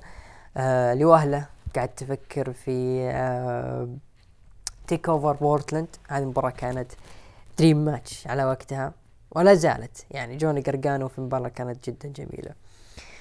أه برجع لجوني قرقانو اللي إن شاء الله بعدين. أه بعدها صارت مباراة نيكي كروس ضد بيبر نيفن فازت فيها بيبر نيفن مباراة كانت جدا سهلة لصالح بيبر نيفن إلايس وريك بوقز تقابلوا الاثنين وصار بينهم طقطقة وكلام يعني بين الاثنين. آه لين ما قاطعهم آه اللي هو برونسون ريد وتحدى الايس الأسبوع الجاي. ونجي عاد للحدث المنتظر والمرتقب اللي بس تشوف هذا الحدث ترجع تنوم وأنت مطمن إنه العرض كان ماشي صح. ظهر البطل المعشوق الأول جون سينا آه واستقبلوه بوستن استقبال كان جدا جميل دخل سينا ويبكي والسبب إنه جماهير بوستن على فكرة ما عمرهم ترى آه وقفوا لسينا. آه آخر مرة وقفوا ضده كان ضد سي ام بانك 2011 فممكن عشان كذا حزت في خاطر سينا. دخل أبو فيليكس الحلبة ودخل أوستن ثيري وقال أنا مثل الجماهير هذه أنا أكن لك احترام كبير وأنت أحد الأسباب اللي خلتني أحب WWE وأدخل المجال وأنت ملهمي وبطلي وشفتك كثير في التلفزيون. فشكرا لك لكن عندي هدية. الهدية هي أنا أبغى مباراة ضدك في WrestleMania على لقب الولايات المتحدة. أوستن ثيري ضد جون سينا. أبو فيليكس قال لا. إي لا. أنا ماني مهتم بهديتك. وأنا لأن ما في حق يعني مالك يعني شيء إنك تعطيني هذه الهدية. لكن استنى أنا تابعتك يا يا أوستن ثيري تابعتك. وشفتك كثير لكن ماني مهتم. ماني مهتم فيك لا ما يعني ما أصدقك ولا ما أدري ليش؟ لأنه أنت ما أنت مؤمن في نفسك. وجالس يطقطق في أوستن ثيري وقال ترى أنت يا أوستن ثيري عندك اسم مرة ممتاز. أفضل من ستون كولد ستيف اوستن وأفضل من روك وأفضل من اندرتيكر بجلالة قدره. النظرية. أوستن النظرية. تدري إيش معنى النظرية يا أوستن؟ إنك وصلت للقمة. وأنت يعني شيء كبير. وأنت في يعني الروثس اجريشن اللي أنا كنت فيها اللي كنت أبى أطرد ما وصلت للشيء القوة اللي أنت وصلت لها لكن أنت ما أنت مؤمن في نفسك. واللي هنا ما يؤمنون فيك. وأنت أصلا ما حد يؤمن فيك. فكأنه شوي طقطق على الأوستن ثيري لما قال إنه يعني بسالفة فينس مكمان وطلع. لكن أنا ابسأل حقين بوسطن. تبغون تشوفون مباراة بين جون سينا ضد آه أوستن ثيري في ال WrestleMania؟ طبعا الجمهور آه قالوا yes yes yes yes yes. بالتالي آه جون سينا قال شكرا لعائلتي الموجودة هنا وشكرا لجماهير بوسطن. وبس. طبعا سبق الثيري قال آه عن لما كان سينا يرفض العرض قال أوستن آه أنت شعارك never give up لكن أنت ما أنت مس يعني أنت الآن جالس تستسلم لمواجهتي ضدك في WrestleMania أنت تقول تحترم لكن ما أشوف إنك احترمتني و... وإلى آخره. فكان برومو جدا جميل جدا حلو.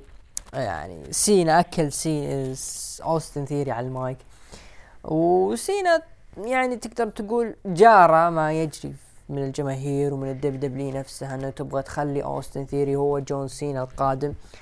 فكان واضح من سير البرومو هذا الأسلوب اللي ظهر فيه سينا والأسلوب اللي ظهر فيه أوستن. أوستن كان زي النجم اللي متشقق إنه يواجه سينا لكن تفاجئ إنه سينا كان العكس اللي في باله فكانت جدا حلوة الحركة هذه. لكن في نهاية البرومو سينا قدم كودي رودز وكنت متوقع إنه كودي بيقدم برومو ولا حاجة إلا شوي كودي اختفى. فعليا اختفى ما شفنا له حس. فما أدري ليش سينا رفع اليد و هذا دعم دعم لكودي ضد رومان رينز. جزاه الله خير. طبعا بعدها صارت مباراة بين تشاد جيبل ضد بارون كوربن انتهت المباراة لصالح تشاد جيبل بالإخضاع لا حول ولا قوة إلا بالله. كوربن يا أبو داحم كوربن كوربن راح فيها. آه طبعا شفنا بعدها video package ل آه بيكي لينش وليتا لما فازوا بألقاب الفرق النسائية. آه بعدها دخلت بيكي لينش وليتا وتكلمت لينش آه إنه الأساطير اللي مثلهم ما يفوتون الفرص اللي آه تجيهم وليتا قالت إنه إحنا صنعنا التاريخ وإنه داكوتا كاي وأيو. رغم إنه الموضوع ما كان سهل لكنه كان المباراة يعني تسوى فالجماهير آه يعني شجعوهم.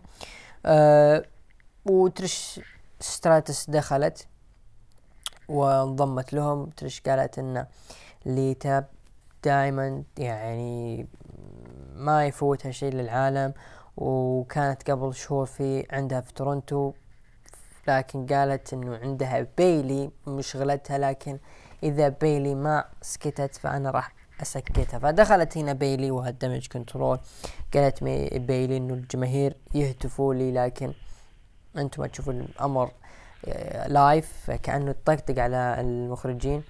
آه وليتا وتريش انتو أنانيات إحنا الثلاثة كنا بنكون السبب في عودة تريش وليتا أبد. تريش قالت إنها تقدر ترجع بسرعة من كون إنها متقاعدة أو معتزلة إلى إنها كانت معتزلة. فتريش اقترحت مباراة الثلاثية ضد الدمج كنترول في الرسلمانيا بيلي قبلت مباراة آه بعدها صارت جلد بين الثنتين قعدت بيلي لحالها وضرب كل من بيكي لينش وليتا وتريش لبيلي وجلدوها برا الحلبة. آه المباراة صارت ثلاثية يعني بدل ما تكون مقسمة ليتا وبيكي لينش ضد داكوتا كاي وايو سكاي على ألقاب الفرق آه جت تريش وبيلي خلوها الدبليو ثلاثية. ما أدري أحس إنه الثلاثية ممكن تطلع منها حلوة لكن بصراحة لو إنهم فصلوها إنه بيكي وليتا يدافعون على الألقاب وبيلي وتريش تكونون لحالهم كون إنه هذه مثلا مباراة دريم ولا إنه أسطورة ضد بطلة جيلها فكانت بتكون حلوة كقصة. لكن آه العل العلة اللي قلناها أنا وعبد الرحمن الأسبوع الماضي إنه السبب إنه فئة الفرق في الدبليو دبليو إي النسائية ضعيفة وما في أصلا فرق نسائية. فهم يضطرون إنهم يقوون الفئة هذه وشوي يبعدون اللقب عن الأضواء لحين ما تظهر فرق جديدة نسائية ممكن تنافس تريش أو تنافس ليتا وبيكي لينش أو حتى داكوتا كاي وايو سكاي فهذا اللي صار. وخلوها مباراة ثلاثية. مع بعض. الحادث الرئيسي سامي زين ضد جيمي اوسو انتهت المباراة بفوز سامي زين. طبعا نهاية المباراة شهدنا ظهور ل جاي اوسو ووقف في الحلبة مع جيمي. وجالس يعني كتفه ويضربه وإلى آخره. طبعا ضرب كذا يعني خفيف ما هو جلد. لين ما طلع جاي من الحلبة وراح لما سامي وسامي حضنه لكن جاي وقفه وقال إيش قاعد تسوي؟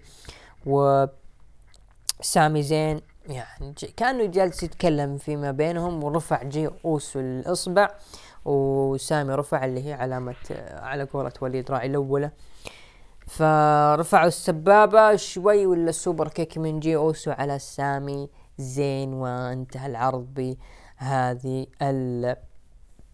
المشهد. نهاية حلوة نهاية حلوة. بعد ما استكملوا اللي هو القصة هل جاي اوسو وضعه جدا؟ آه زي ما تقول آه كيف أقدر أقول؟ آه غامض ما ندري هل هو مع الأوسو هل هو ضد الأوسو إلى آخره. لكن بالنهاية آه يعني الحب للحبيب الاولي ورجع لي جاي أوسو وجلد سامي زين. فخلاص يعني تقريبا هذه القصة والدراما اللي راح تصير وعودة كيفن لسامي على الأوسس. تقريبا ما عاد بقى لها أي وقت. نروح لتقييم المستمعين أعطوا من تسعة لعشرة اثنين وعشرين في المية ومن خمسة إلى ثمانية أعطوه أربعة وأربعين في المية وأقل من خمسة أعطوه أربعة وثلاثين في المية. بالنسبة لي سبعة ونص العرض كيفي. سينا موجود. خلاص العرض مرة جميل. آه هذا كان عرض الرو هذا الأسبوع. نروح الآن لعرض انكستي رود بلوك. آه طبعا بدأ العرض بمباراة بين توني دي انجلو ضد داي جاك مباراة jailhouse street fight. آه طبعا قانون المباراة يعني street fight لكن الفائز لابد يدخل آه خصمه في آه زي الزنزانة هذه اللي في بداية ال stage نفس اللي صارت في عرض الديدلاين. آه فاز فيها توني دي انجلو مباراة كانت كويسة مرة. آه فوز توني دي انجلو كان متوقع بالنسبة لنا. الأسبوع الماضي تكلمنا من عبد الرحمن إنه توني دي أنجلو اللي راح يفوز. آه فواضح جدا توني أنجلو راح ياخذ أيضا مساره مع العداوة هذه. ولا زلت مقتنع إنه هذول الاثنين راح يكونون الخصوم لويس لي في آه عرض ستاند اند ديليفر ثلاثية على اللقب آه شمال أمريكا. آه بعدها شفنا فقرة الجالوس دخلوا آه أبطال الفرق وتكلموا عن وضعهم مع البريسي دادلي والبريتي ديدلي دخلوا واشتكوا عن فوز آه جالوس آه بالألقاب وقالوا إنه أنتم سرقتوا الألقاب هي المفروض هي لنا. قال آه واحد من Gallus قال إذا ما قدرتوا تحافظون على هذه الألقاب فراح نجي وناخذها منكم. قالوا Pretty Deadly إحنا راح نقوم بالفوز عليكم. آه بعدها صار محارش بين الاثنين. تالي صالح لل Gallus وسيطروا على المشهد. آه بعدها شفنا فيديو package للايرا فالكيريا. وبعدها شفنا مباراة بين برون بريكر وكريد براذرز ضد جندر مهال وفير ماهان وسانجا. انتهت المباراة بفوز برون بريكر والكريد براذرز مباراة متوقعة لصالح الكريد براذرز و برون بريكر. بعدها نروح للفقرة اللي بعدها اللي هي Grayson Waller Effect. طبعا هذه المرة يعني ضيفه هو شون مايكلز. جريسون وولر أه جلس وقدم أه شون مايكلز آه قال جريسون إنه لما كنت آه بعمر عشر سنوات كنت مجنون مثل هذا المعجبين بك يا شون مايكلز. لين ما جاء يوم من الأيام وجتني خيبة أمل آه خيبة أمل؟ آه يعني المفروض ما تكون شون المفروض تكون بريت فكانت shot لشون مايكلز. آه بعده قال شون؟ إنه أنا وياك كنا رائعين لكن أنت وولر تكرهك فليش؟ قال وولر إنه شون هو الآن هو المدير العرض وإنه الأفضل على المايك والأفضل في الحلبة وتبغى تكون رقم واحد. فأنا أبغاك تعاملني مثل ما أنت تشوف نفسك أو بمثل الطريقة اللي عاملك فيها فينس مكمان لأنه أنت ما كنت مرة كبير أو طويل. يعني كان طولي كويس. قال شون لا فينس مكمان صار بالماضي وأنا في مكانه. وولر قال يعني أنا كل ما كنت أبغى أكون مرتفع أنت تقف في طريقي. قال وولر آه مايكلز إنه منذ وقت طويل يعني وحط نفسه وعد على وولر إنه ان خسر في ال Vengeance Day أو في New Year's Evil ما كانت بسببي كان بسببك انت يا آه وولر. فوولر نفس وقال إنه طبعا قال مايكلز إنه أنا قطعت عهد على نفسي إنه يعني المشاكل اللي صارت لك في Vengeance Day وفي New Year's Evil ما كانت من خطأنا وفي Vengeance Day كانت أنت اللي ضيعت فرصتك بنفسك. قال وولر أنتو يعني تحطون اللوم علينا لكن في الحقيقة إنه أنتم موجودين في ال gorilla و... وتديرون الأمور. قال ال gorilla هذاك ما يقعد فيها إلا هانتر وهو مصاب بأزمة قلبية ورجع من جديد. طبعا وولر تكلم قال إنه إنه لابد تهتمون فيني لأنه بدوني ما راح يكون في NXT طبعا مايكلز قال إن ترى نفسك أكبر من العرض لكن ترى إحنا بنينا العرض على اكتاف فين بالور وكيفن اوز وسامي زين وال DIY و Undisputed Era وايو سكاي واسكا وريا ريبلي وبيانكا بيلير وإلى آخره من الاشخاص والآن روكسان بريز وبرون بريكر هم الأبطال. وكذلك ويسلي والكريد براذرز. وانت تراك جزء منهم لكن قال وولر okay أحسنت لما قلت إحنا موجودين في العرض لكن كل الأسماء هذولي ما هم مثلك يا شون مايكلز في مسيرتك. وجالس يطقطق على مايكلز وبدأ يتكلم إنه أنا بس اوصل للعروض الرئيسية. راح يكون أفضل من برون آه كارميلو هايز أو آه زوي ستارك وإلى آخره. وجلس يطقطق على مايكلز. لما مايكلز نفس وقال أنا موجود هنا من أربعين سنة أه وما أحد يقدر يدير هذا الاتحاد. ويوديه على الأرض الجمهور هنا تكلموا وقالوا NXT. طبعا جون آه شون مايكلز قال إنه لي خصم عندك في Stand & Deliver فالنجم طلع جوني قرقانو وهنا الجمهور تحمس و ودخل جوني قرقانو وصار بينه وبين وولر محارش. انتهى لصالح جوني قرقانو طبعا البرومو آه، كان كويس مرة ممتاز آه، جريسون وولر مثل الشخص بينه وبين مديره مشكلة وأخذ هذا الطابع جريسون وولر وتحدث إنه ظلم كثير في NXT وشون مايكلز كان ضد ذلك. فقدر جريسون وولر إنه يستفز شون بأكثر من طريقة من ناحية ال main event من ناحية مسيرتك وإنه هو بريت هارت جاي ولين ما ظهر شون مايكلز وقدم له آه جوني جرجانو أيضا لما شون مايكلز تكلم عن الحرس القديم آه اللي كانوا ماسكين يعني NXT فكانت لفتة حلوة من مايكلز بالذات ال Undisputed Era كأنه تلميح تراكم موجودين. آه دخول جوني جرجانو جوني جرجانو صراحة دخوله فيها وعليها فيها إنه استم يعني ملف ميت ورجعوا يحيونه من جديد. لما جوني قرقانو قدم الخطاب الوداعي في NXT بعد ال WarGames 21 أه هاجم جريسون وولر وخرب بالاحتفالية. ولعلمكم ترى كنت يعني زعلان على جريسون وولر لكن تطور جريسون وولر يعني خف الزعل شوي. فهذا ممكن يعتبر انتقام من جوني قرقانو لجريسون وولر وجاي يأدبه. لكن اللي عليها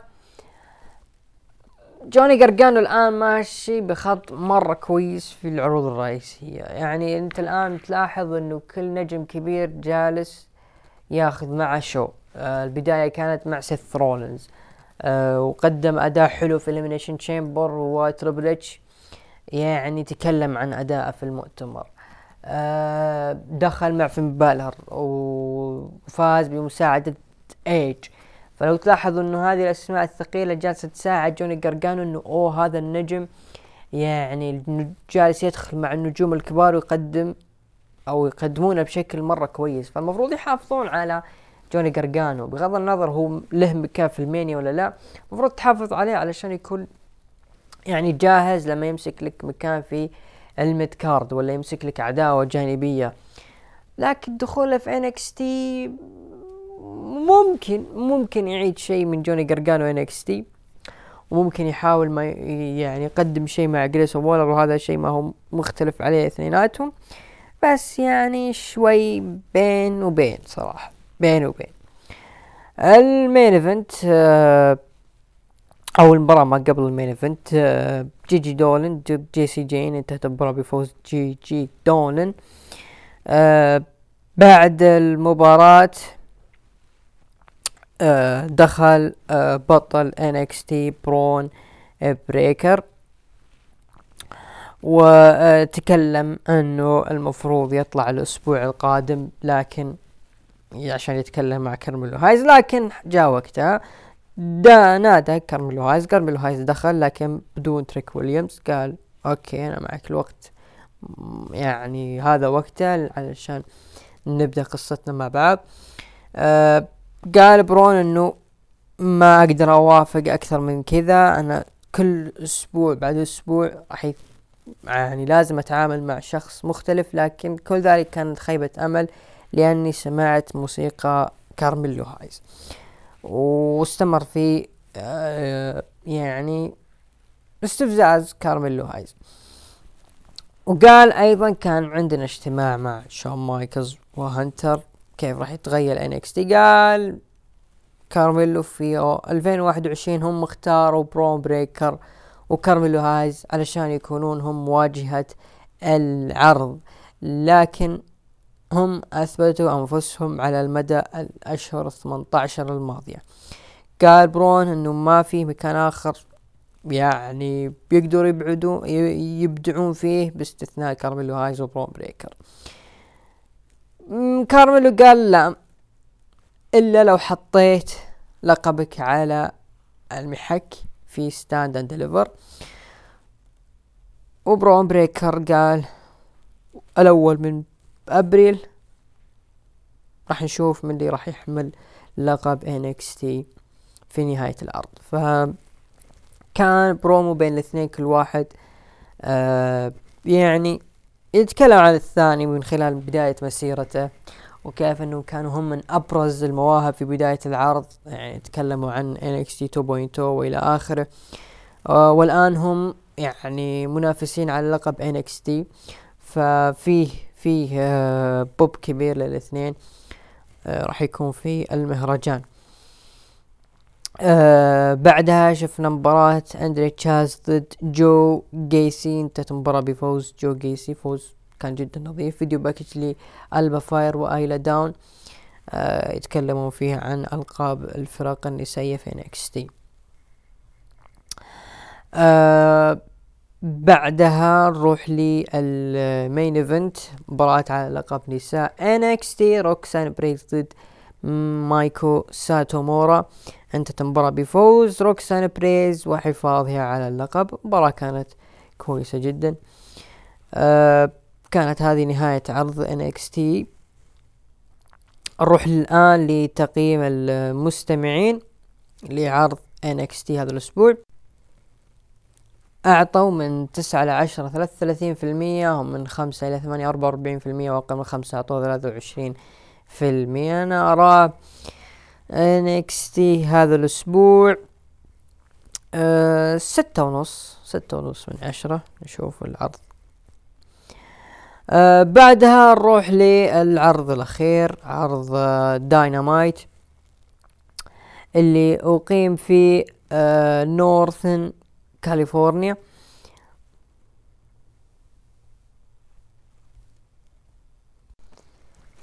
أقيم العرض في آه سكرامونتو كاليفورنيا. آه بدأ العرض ب آه video package لملخص لمهرجان آه ريفولوشن وبدأ العرض بمباراة على لقب الأول أتلانتيك أورنج كاسيدي جي ليثل. انتهت المباراة بفوز أورنج كاسيدي. بعد مباراة آه صار هجوم من أورنج آه جي ليثل حاول يهاجم أورنج كاسيدي لكن قدروا يبعدون الحكام لين ما تدخل جيف جاريت وجلد أورنج كاسيدي بالجيتار. أورنج كاسيدي صراحة الرجل والله يحرجك بيني وبينكم. يعني النجم يعني ترى أنه نجم عادي ما يستاهل ال over اللي جالس ياخذه لكن فجأة آه يعني يعطيك مباراة كويسة. بعض الأحيان ما يعطيك بعض الأحيان يقدم لك شيء ممتاز. لكن تحس في شيء ينقص هذا البرتقالة. فهذا في شيء ناقص. ما هو قادر يكمل هذا النجم. وفاز باللقب. طبعا جي ليثل وجيف جاريت خسروا مباراتهم وفرصهم على لقب الفرق. فجاوا ينافسون على ألقاب الأول أتلانتيك. فالفرص في AEW الخاسر ياخذ فرصه أكثر. وترى يعني أثبتت في العرض نفسه. نروح لي آه اللي بعده آه ريكي ستارك دخل وتكلم إنه أسبوع بعد أسبوع يجلد الجيريكو اسوسيشن سوسايتي آه وجيريكو من الأشخاص اللي الناس طلبوه وجلدتهم لكن سأل نفسه قال وش القادم؟ أنا ماني متأكد لين ما طلع في الشاشة شعار البوليت كلوب وجالس يتناظر في ريكي ستارك وفجأة جاء هجوم من جوش روبنسون على ريكي ستارك فهو خصم آه ريكي القادم. أعتقد اقترب أو بداية البناء لمهرجانهم الفوربدن دور اللي راح يكون مشترك مع نيو جابان بدايته من هذه العداوة. آه بعدها آه شفنا روبي سوهو لعبت مباراة ضد آه سكاي بلو فازت فيها روبي سوهو بعد مباراة جت آه اللي هي سرايا وتوني ستورم وجو بيجلدون بالسكاي بلو لما دخلت النايت انجل هذه وجلست تبغى تفزع لسكاي بلو لكن جلدوها وسووا عليها هذه الرسمة هذه حقت البخاخ. آه ريني باكيت آه قابلت هانجمان بيج. وقال هانجمان إنه وعد إنه راح ياخذ جون موكسلي آه للجحيم وراح يجلده لين ما ينتهي وهذا هو اللي حصل.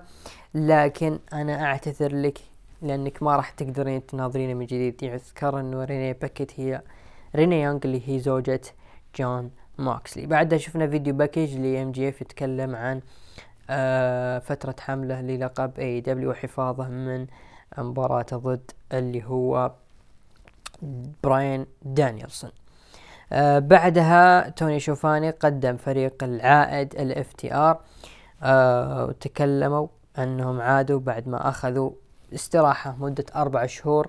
آه طبعا الجمهور آه شجعهم وقالوا إحنا في عام 2022 كان عام رائع بالنسبة لهم لكن الأشهر الماضية كانت سيئة منذ ان خسروا أمام الكليم وخسروا ضد الجنز وخسروا كل ألقاب الفرق في غضون شهر تقريبا.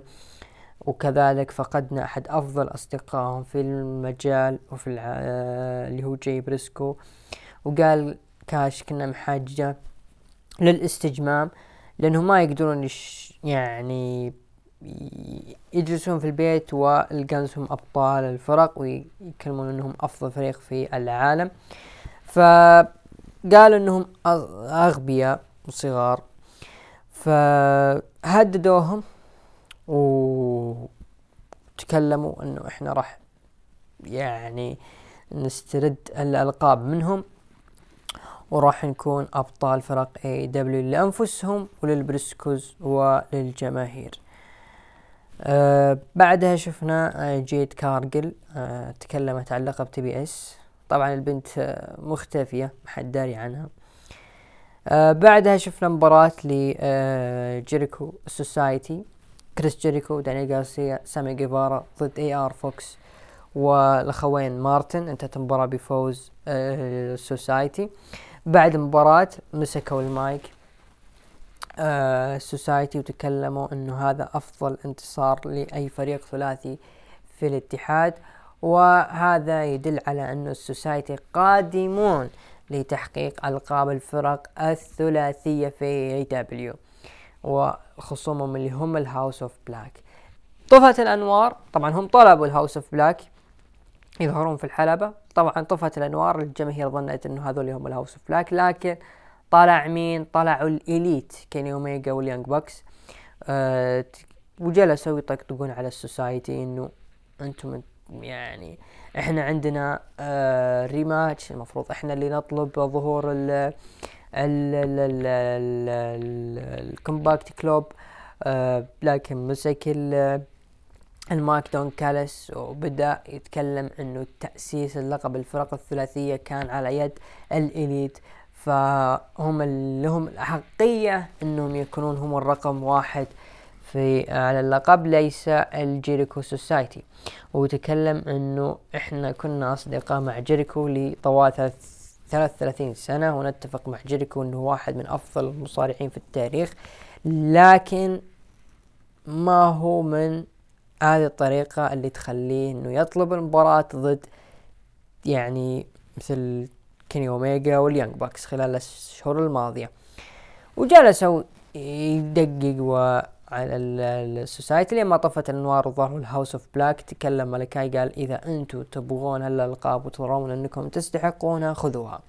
فكان ملكاي بلاك و اللي هو بادي ماثيوس في وجههم لل Society وبرودي كينج كان موجه لل Elite أه يعني ما أنا أستغرب صراحة يعني كريس جيريكو خسر عداوته ضد ريكي ستارك في Revolution في مهرجان شهري. وريكي ستارك الآن يعني كان مبدع في العداوة ومضطر إنه ياخذ one next step لمسيرته في AEW نتفاجأ انه في داينامايت كريس جيريكو اللي خسر في عرض شهري ضد نجم يعني يعتبر ما بقول صاعد لكن في بداية توهج مسيرته على يده أروح اطلب فرصة على القاب ثلاثية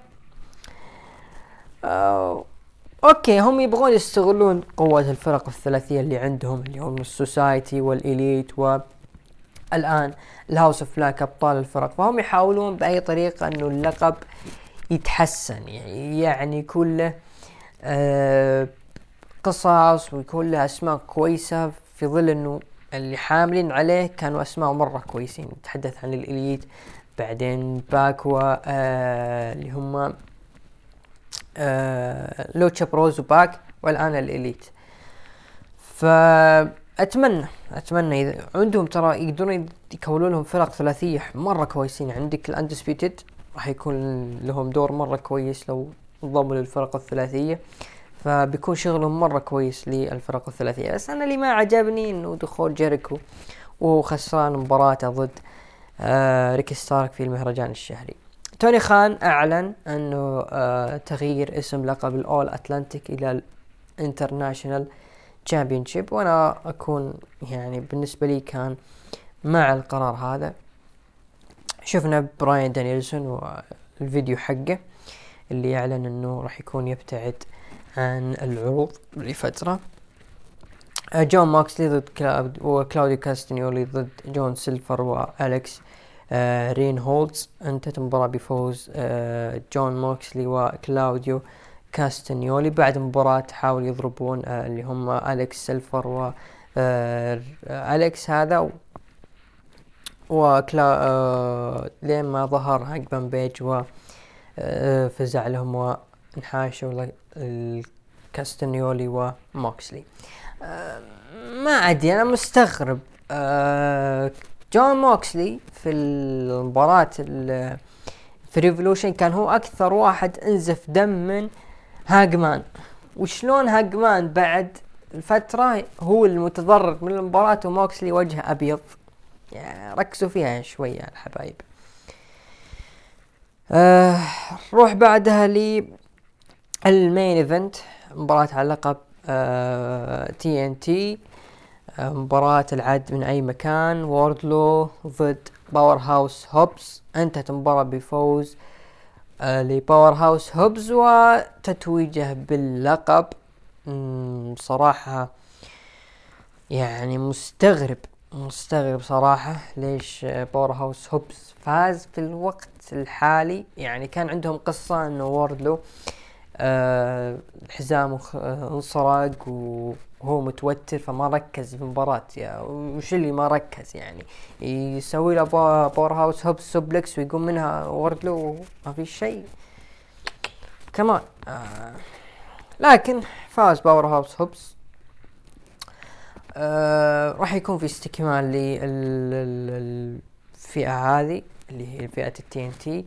وغالبا جو بس يخلص وضعه مع لقب ال ROH راح يرجع للتركيز على لقب TNT كانت هذه نهاية عرض AEW نروح لي تقييم المستمعين أعطوا من تسعة لعشرة ومن خمسة لثمانية ثلاثين في المية وأقل من خمسة أعطوه أربعين في المية. أنا بالنسبة لي مثل الشباب أعطيه آه، تقريبا خمسة من عشرة. العرض كان ما كان ذاك الزود. أما عرض الأسبوع فما أحت... ما يحتاج والله ناخذ تقييم الشباب. عرض Raw كان الأفضل واعذروني ما راح أخذ تقييمات الشباب دام جون سينا كان فيه فأكيد عرض Raw كان الأفضل. ومع نهاية عرض الأسبوع نصل إلى ختام آه، البودكاست هذا الأسبوع. أتمنى تكون حلقة خفيفة بسيطة اعذروني إذا بدر مني تقصير. كان معكم عبد الرحمن أبو عوف ومن الإخراج عمر. نراكم قريبا. في أمان الله.